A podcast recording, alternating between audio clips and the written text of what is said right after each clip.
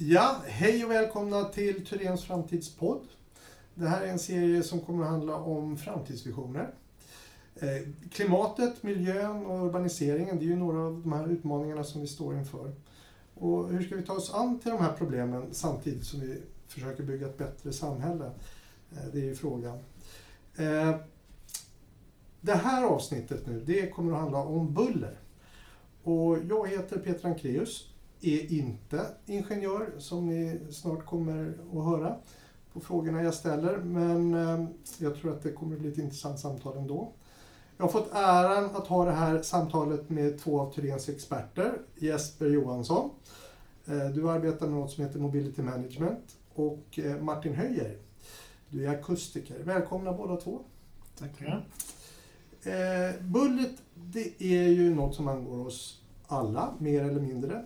Eh, själv bor jag i Bromma och umgås med buller dagligen. Och frågan är hur, hur ni ser på, på buller.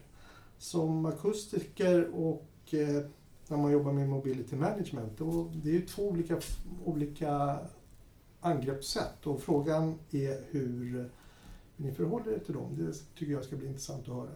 Men eh, om vi börjar med dig Jesper. Du jobbar med någonting som heter mobility management.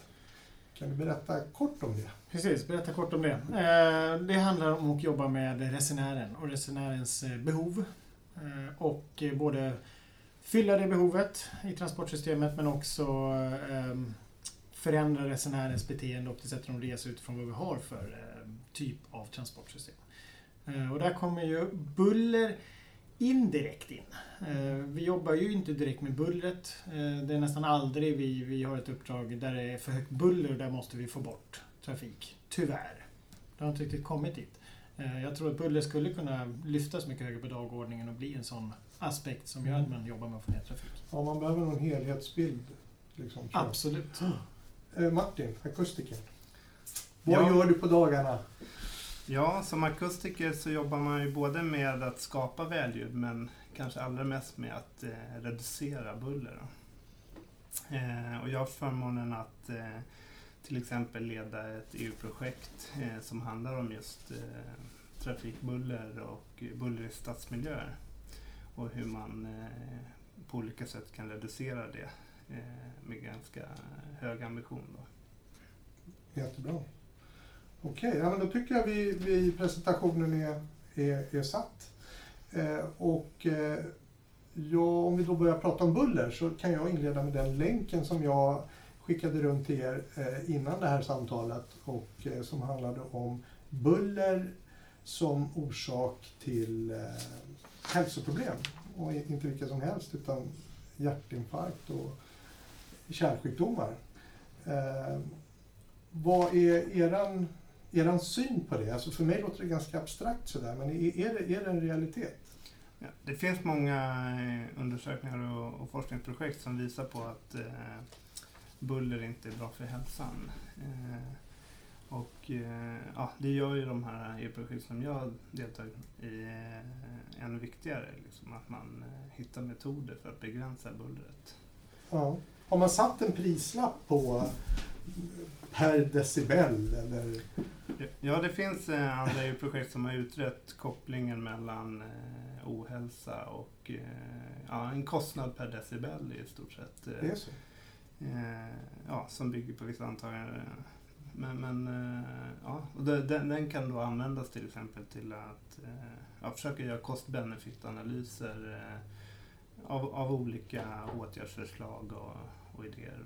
Okay. Har det här sjunkit in, liksom, är, det, är det allmänt känt och är det någonting som man hänvisar till när man skapar en ny stadsdel till exempel, eller ska bygga en, bygga en väg? Tar man med det i, i, i beräkningen, vad det kommer att kosta liksom, att, ta det samhällsekonomiskt?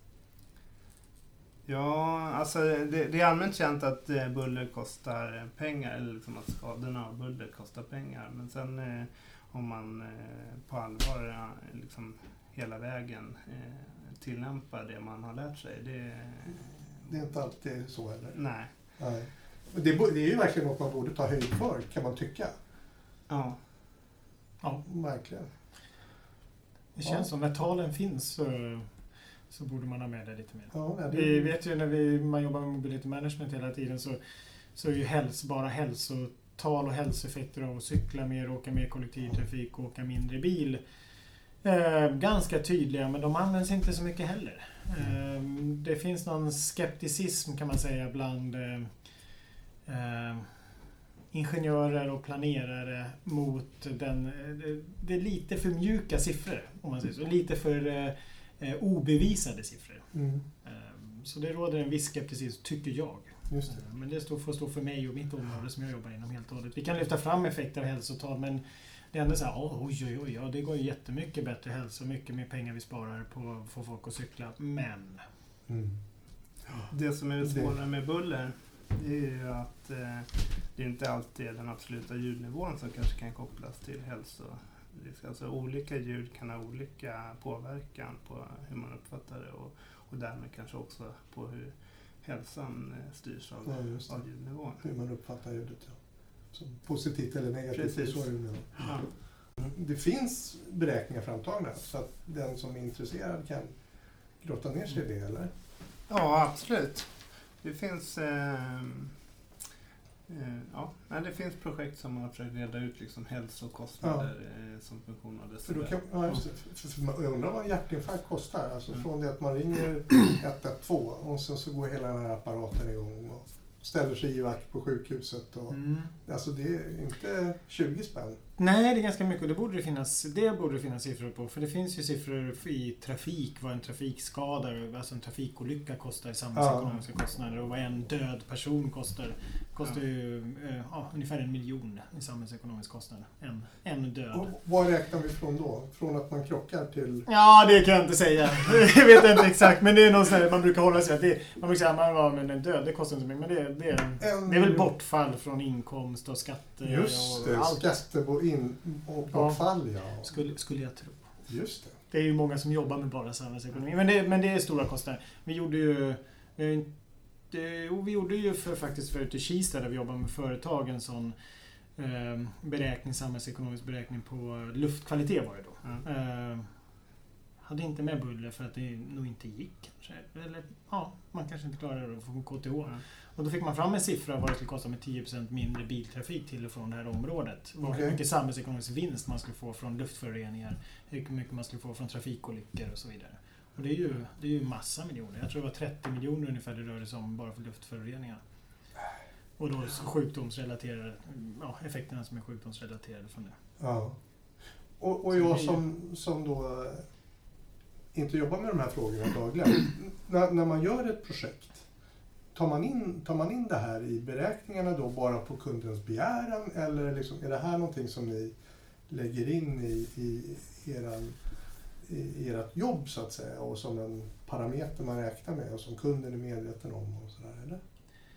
Jag tror att det är svårt. Alltså, det vi lär oss här, det, alltså, vi försöker ju ta med det. Ja. Sen finns det liksom en eh, agenda på hemmaplan där man liksom, eh, ja, där det är mycket liksom eh, regler och sånt uppsatta Ja. som man följer.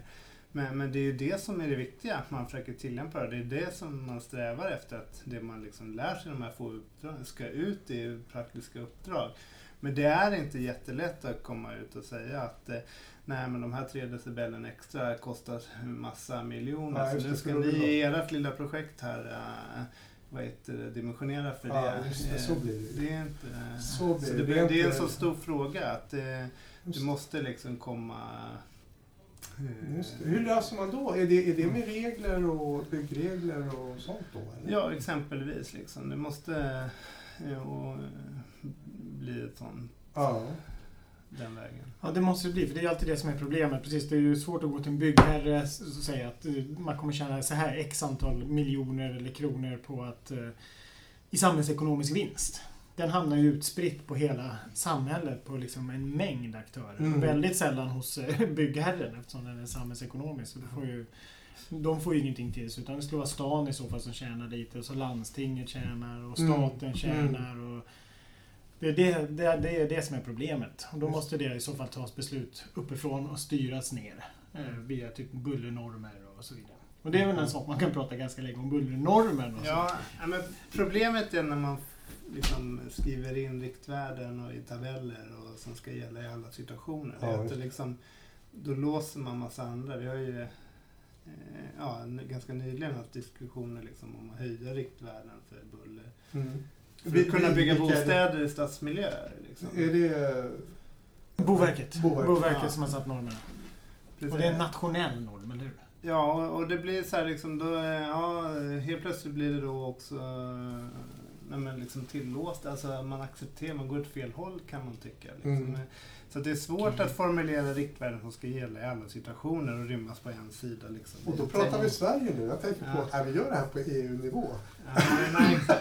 Ja, då blir det svårare.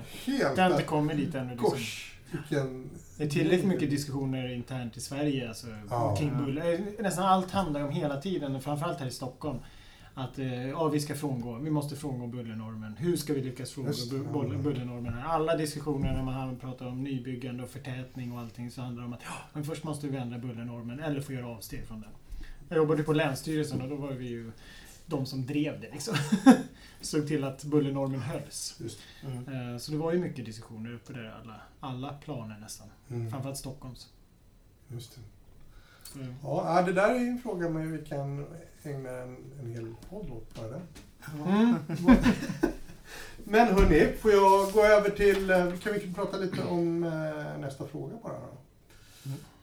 Eh, om vi pratar om den här framtidsvisionen, om man skulle ha, ha en sån, om man nu jobbar med mobility management som du Jesper, eller, eller akustik. Martin, hur, hur, hur, ser, hur ser den ut? För mig så blir det ju ganska självklart, eller det blir inte riktigt självklart när jag satt och funderar på det heller, men buller kommer ju ofta från, eh, från trafik. Eh, ja, trafikbullret är väl ofta det man kanske jobbar med. Eh, min bild i alla fall, där jag jobbar. Mm. Eh, och jag jobbar med mobility management och det handlar väldigt mycket om att få ner bilåkandet och få ner trafiken. Mm. Och flytta över till kollektivtrafik. Sen kan det ju vara viss kollektivtrafik som är ganska buller. Eh, alstrar rätt mycket buller också. Ehm, om det går ovan jord eh, med spår och så vidare. Ehm, och sen är det väl en del i, egentligen inte mobility management, men det är väl mer miljöarbete och trafikarbete överhuvudtaget. Att om du får bilar som, som drivs på annat sätt så kan du kanske börja bullra mindre. Mm. Man har ju buller både från eh, mo- motorerna om man säger, och sen är det ju vägbullret kanske som är det värsta. Eller det vet jag inte, det får Mattias som är en absolut expert bedöma. Men, men om man säger elfordon så får vi just större användning av elfordon så är de, min bild är att de är tystare. Mm. Eh, Men det är fortfarande ett ganska stort buller eh, från väg eh, och däck och sånt. Det var, var, var, Ja, det, det stämmer ganska bra. ja. Åtminstone i stadsmiljö. Vid höga hastigheter så styrs eh, externt buller av eh, däck, vägljud. mm. Så då så skiljer det egentligen inte så mycket. Såvida det inte... Alltså smala däck bullrar mindre än breda däck. Och ofta har elbilar lite smalare däck. Så de är även lite tystare på höga hastigheter. Men eh, skulle det komma liksom en eh, prestandabil eh, som går på el och har liksom ändå liknande däck så skulle de vara likvärdiga vid höga hastigheter. vad är höga hastigheter?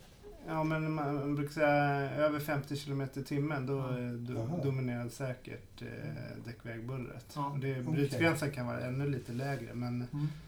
eh, men vid 50 så... Okej, Och då är det, ja just det, då är det däck, däcken mot asfalten så att säga. Ja. Men jag tänker på, var det Michelin nu som släppte ett nytt däck som inte, där hjulet och däcket är ett. Alltså det kan inte få punktering.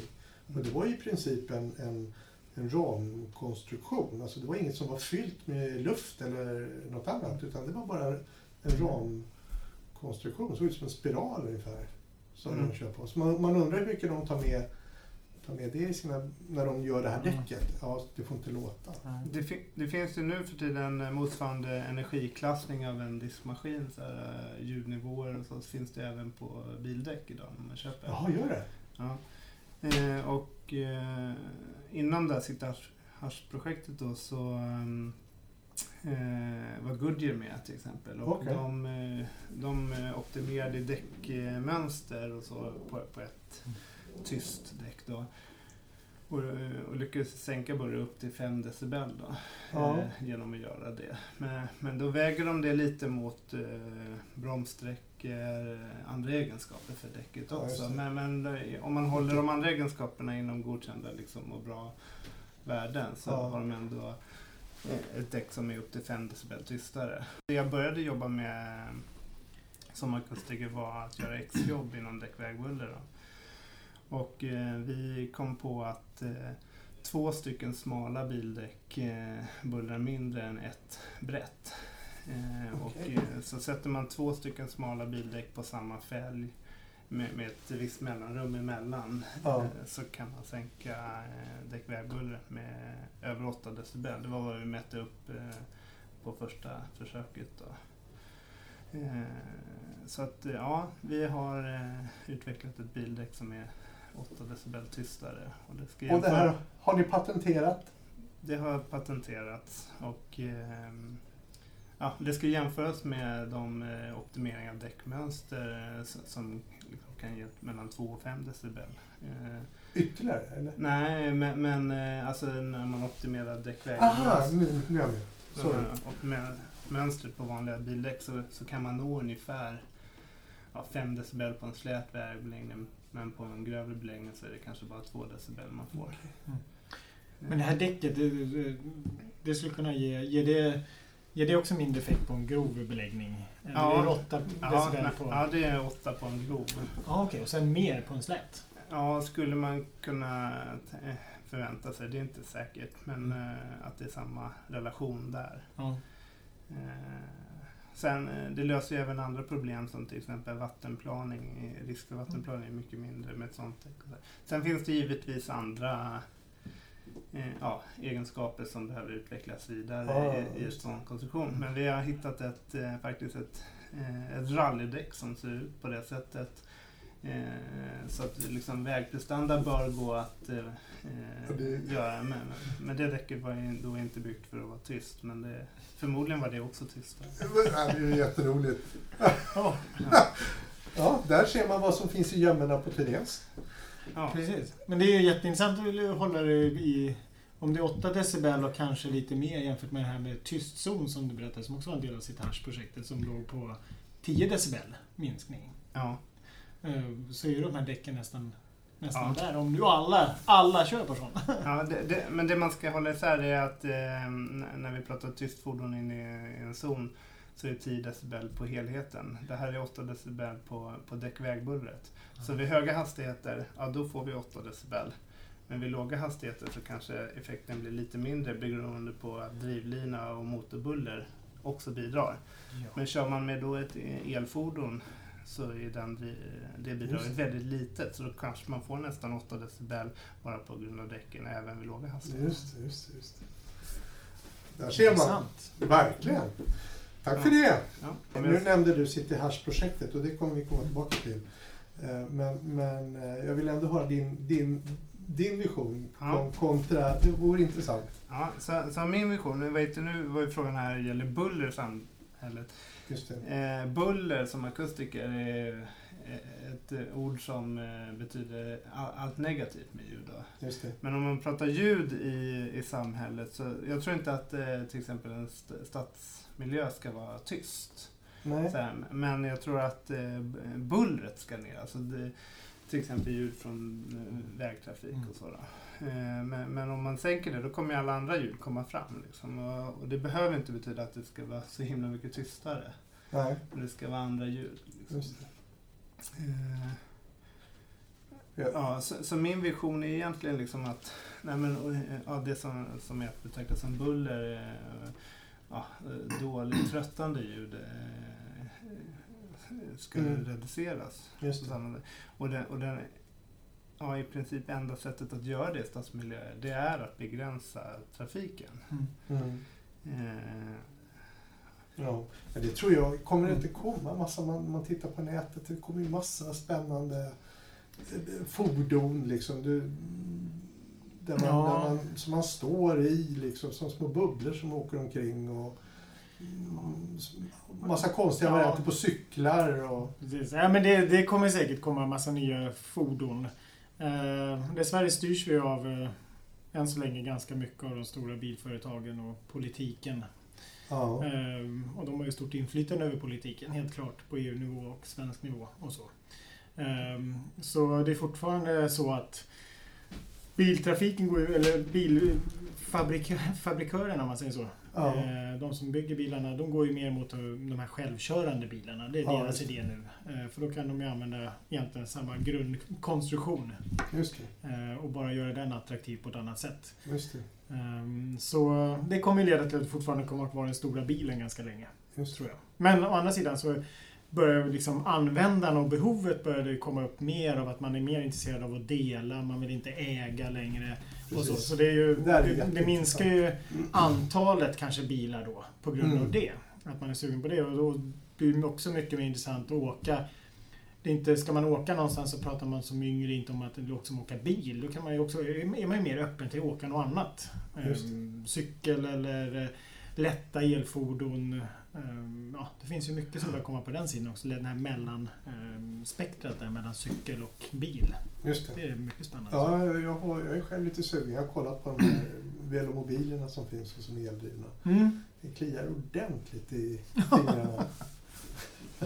ja, och sen så ser jag framför mig däckkonstruktörer som gör, så när däcken går över asfalten där, då är det fågelkvitter. Det borde, det borde gå Mm. att göra. Det borde gå. Ja. Men jag tror också vi kan få, som du sa, trafiken måste minska. Det är liksom egentligen det som är grunden Ja. för att få ner bullret. Och det, där har vi ju en möjlighet eh, utifrån ett annat projekt som vi har gjort där vi tittar på resvanor i Tyresö och vad som styr olika gruppers val. Att de yngre grupperna, eh, är inte, de åker inte bil nu, de åker kollektivtrafik. De är i sig inte sugna på att åka bil. De vill gärna liksom fortsätta på det sättet de gör. Det är inget Mm. egenintresse att åka bil. Men fortsätter vi planera som vi gör och bygga som vi gör så kommer de bli de här äldre generationerna som till slut bara åker bil.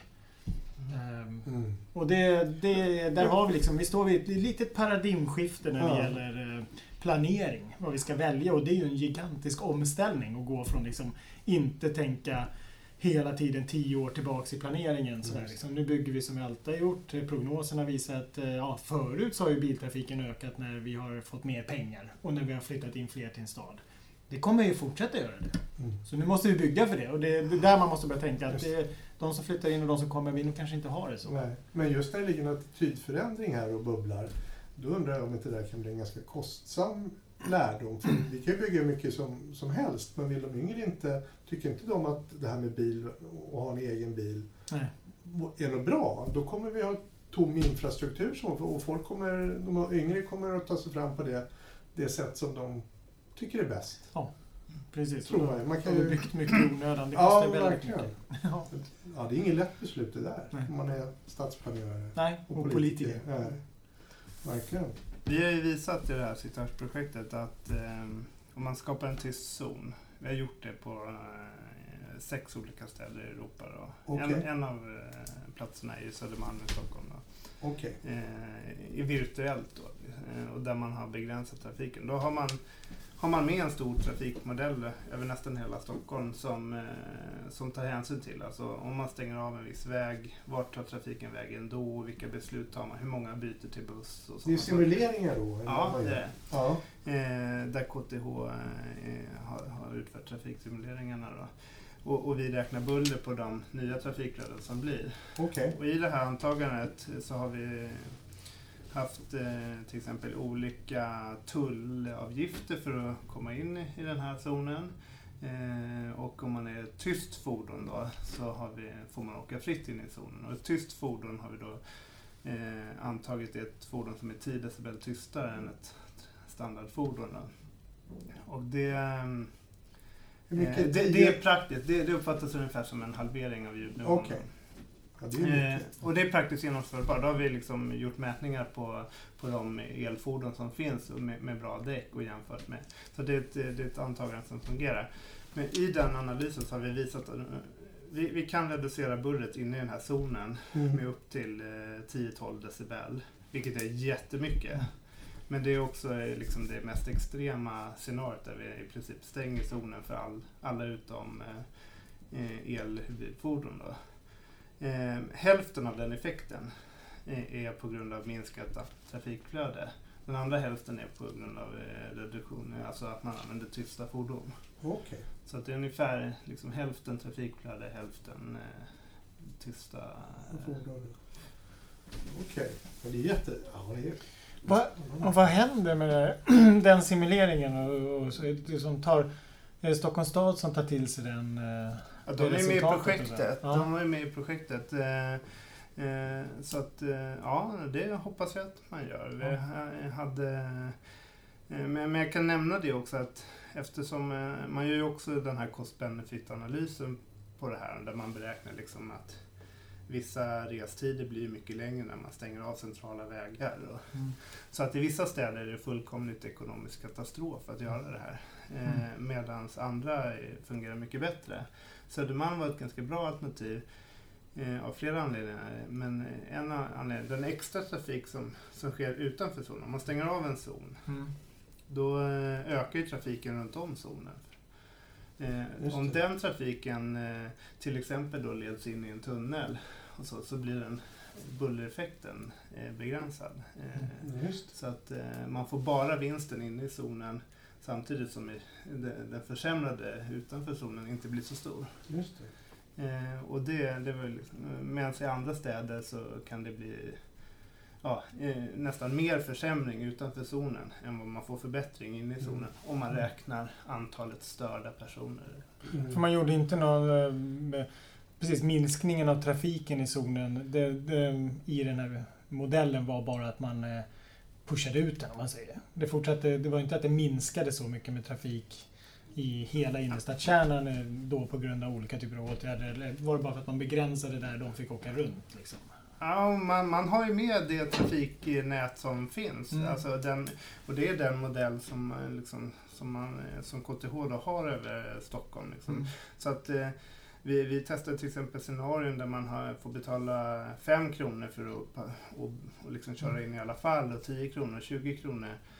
Eh, och eh, och eh, liksom, då kunde de simulera hur många som, som eh, vid olika nivåer då tar det här beslutet att köra in i alla fall och Ja. betala eller tar sig runt andra vägar. Hur många ställer bilen och tar en buss och Mm. Mm.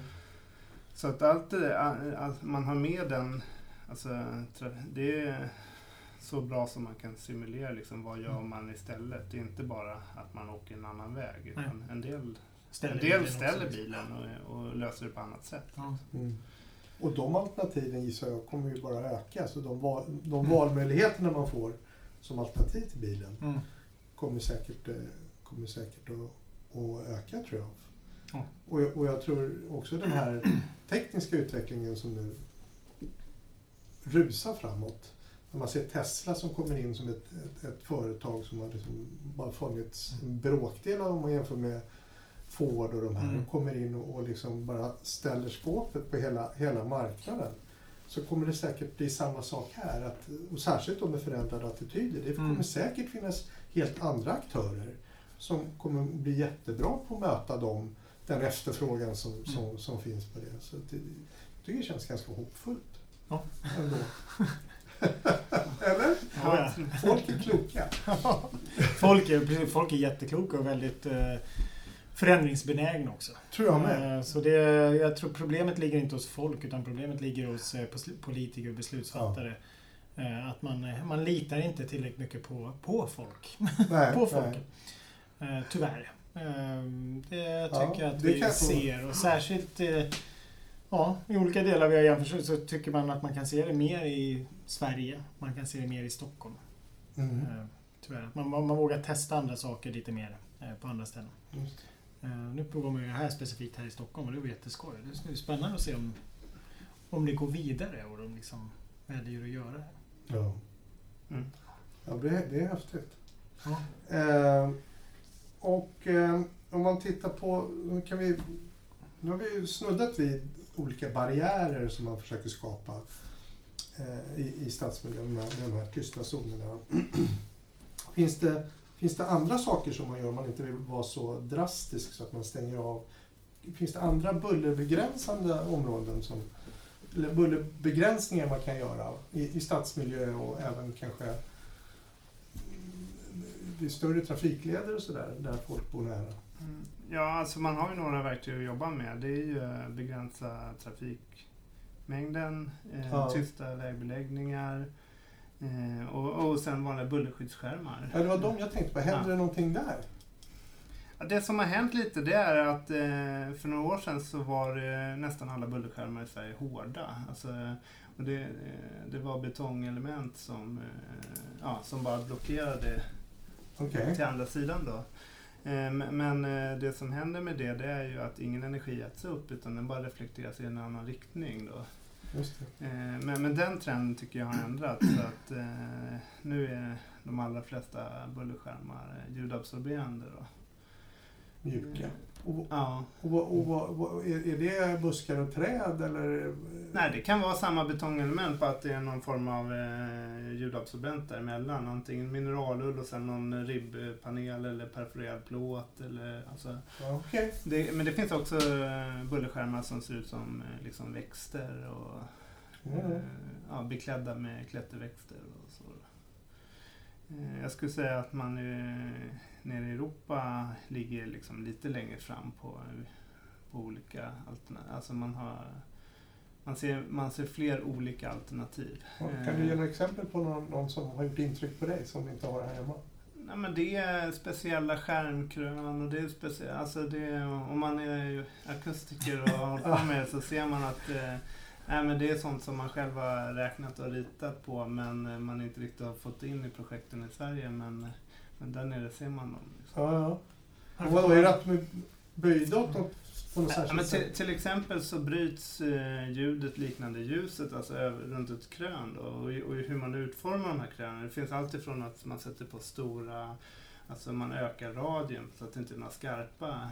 Aha, eh, vilket, vilket förbättrar skärmeffekten. Och sen finns det ja, d- där man delar upp skärmen i två skarpa liksom, eh, eh, kanter. Då, så att, eh, och avståndet mellan dem ju stämmer man av så att det ja, ska släcka till exempel och vara optimalt för att släcka de högsta ljudnivåerna vid trafikbuller som ligger runt 1000 Hz. Då. Okej. V- Varför, eh, varför blir det inte av i Sverige?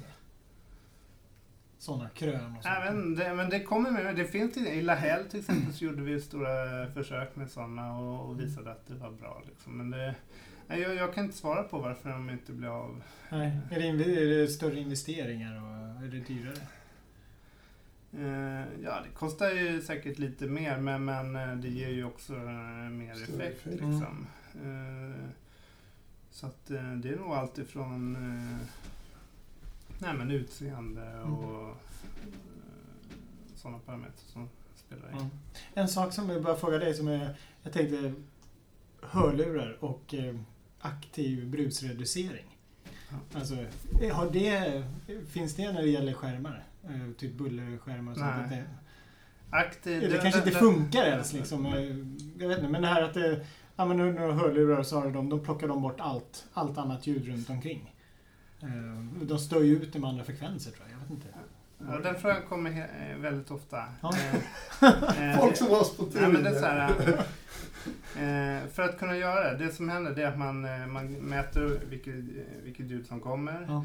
Eh, man spelar upp samma ljud i motfas och släcker ut det. Ah. För att kunna göra det så krävs det väldigt bra liksom, eh, man behöver ha en väldigt fast geometri. Mm. Eh, och, och när du sätter på hörlurar på öronen, då sitter de fast där. Avståndet in till din trumhinna är ganska konstant. Eh, och därför så går det där att funka. Men det funkar bäst för låga frekvenser. Även vid Mm. höga frekvenser så funkar det sig sådär. Mm.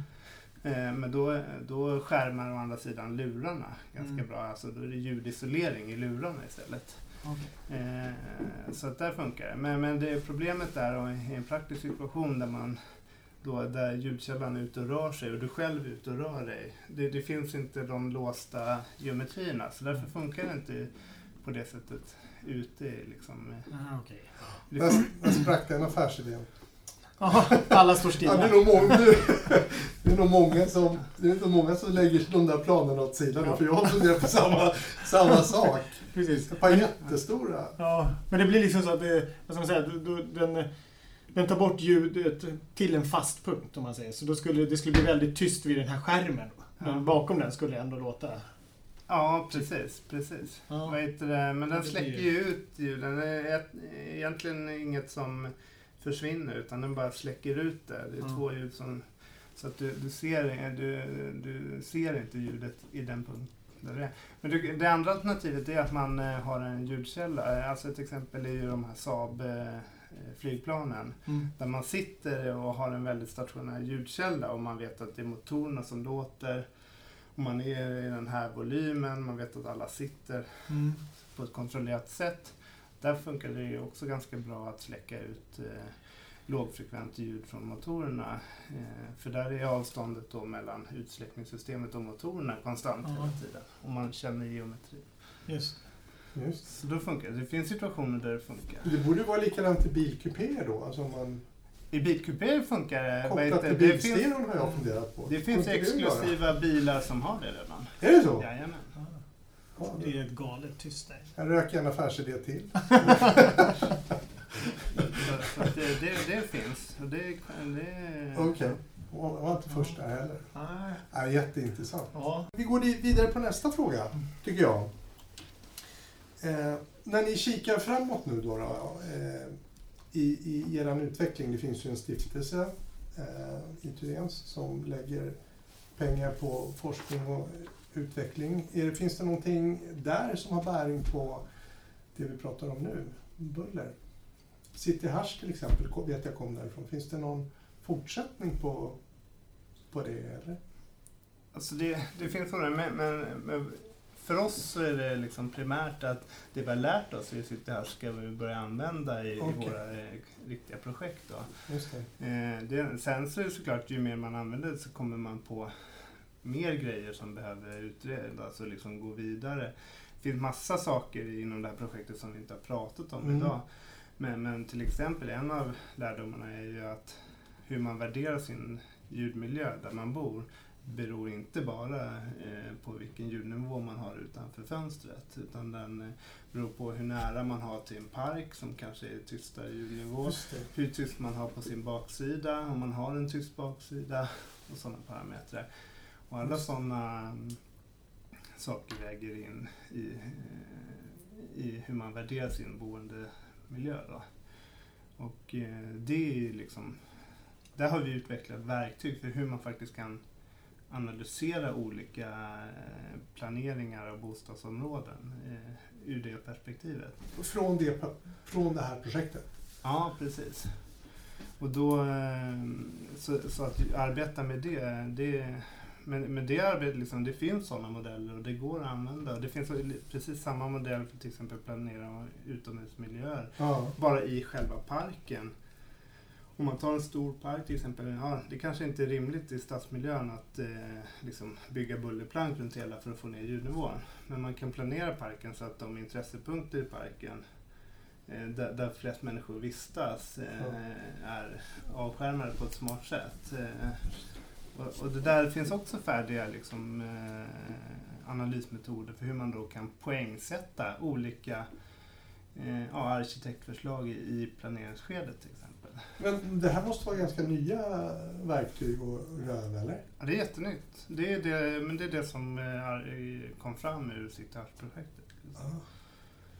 Ja. Det är state of the art. Det, är det, är, det, är de, det är de som ligger längst fram i, i, i bullerkartläggning. Eller inte kartläggning, men i analysdelen. så. Ja. Ja, eh, det, jag tycker liksom det, det är riktigt bra verktyg som kommer ut. Sen gäller det bara att vi använder det också. Just det. Och få chansen att använda komma in i tidiga skeden i de projekten. Mm. Har ni pratat med Boverket någonting kring, kring deras statiska bullernorm? Eh, som är väldigt liksom, stark. Om, om man skulle kunna utifrån de här verktygen och erfarenheterna föra in något lite mer en differentierad bullernorm. Ja, alltså vi, vi är med och får chansen att tycka till om alla sådana där liksom, nya normer som kommer ut. Mm. Och så. Men det är ju det är jättesvårt att skriva någonting på ett par sidor liksom, som ska täcka alla situationer. Och, Mm. så att, eh, men men det, jag har hört eh, i alla fall eh, tendenser till där man i Göteborg visade på ett exempel liksom, på eh, mitt i centrala Göteborg där, där man har en lägenhet som då precis har så mycket buller på ena sidan att eh, man, man faktiskt inte skulle få bygga eh, en ny lägenhet där i, Mm. i det huset. Eh, på grund av att man överskrider liksom till och med ljudnivåerna där, det är, eh, ja, där man får göra avsteg. Ja. Liksom. Eh, Medan på andra sidan så är Göteborgs liksom lugnaste kvarter, det är gå, bara gågator och det är där liksom all eh, förskolor och sånt där ligger. Och i den miljön så skulle man med, med de riktvärden som eh, finns liksom inte ens få bygga. Eh, med de justerade riktvärdena får man nog bygga där men, men eh, Ja, men, men då har man i alla fall börjat prata i de termerna mm. att eh, om man eh, utöver det här ljud, absoluta ljudvärdet tar hänsyn till hur nära man har till tysta områden. Och om man tar hänsyn mm. till det vad heter, så kan man faktiskt liksom på ett bra sätt förklara att det ändå är en bra miljö. Liksom. Ja. Mm. För det är där alla vill bo. Mm. Ja, just Ja, det är jätteintressant. Men det, det verkar ju som, som eh, man får en dimension till på hur det ska gå till när man ska bygga ett bostadsområde eller en park eller... Ja, absolut. Verkligen. jätteintressant. Men jag tycker att vi har, har landat i något riktigt bra här. Eh, mm. Det, det reser ju tusen frågor till, men det måste vi ta någon annan gång. Och säkert finns det några där ute som eh, beslutsfattare eller inte som som kanske har en, en del eh, nya frågor att ställa nästa gång de ska planera ett hus. Absolut. Tack så mycket för att ni var med. Mm, tack.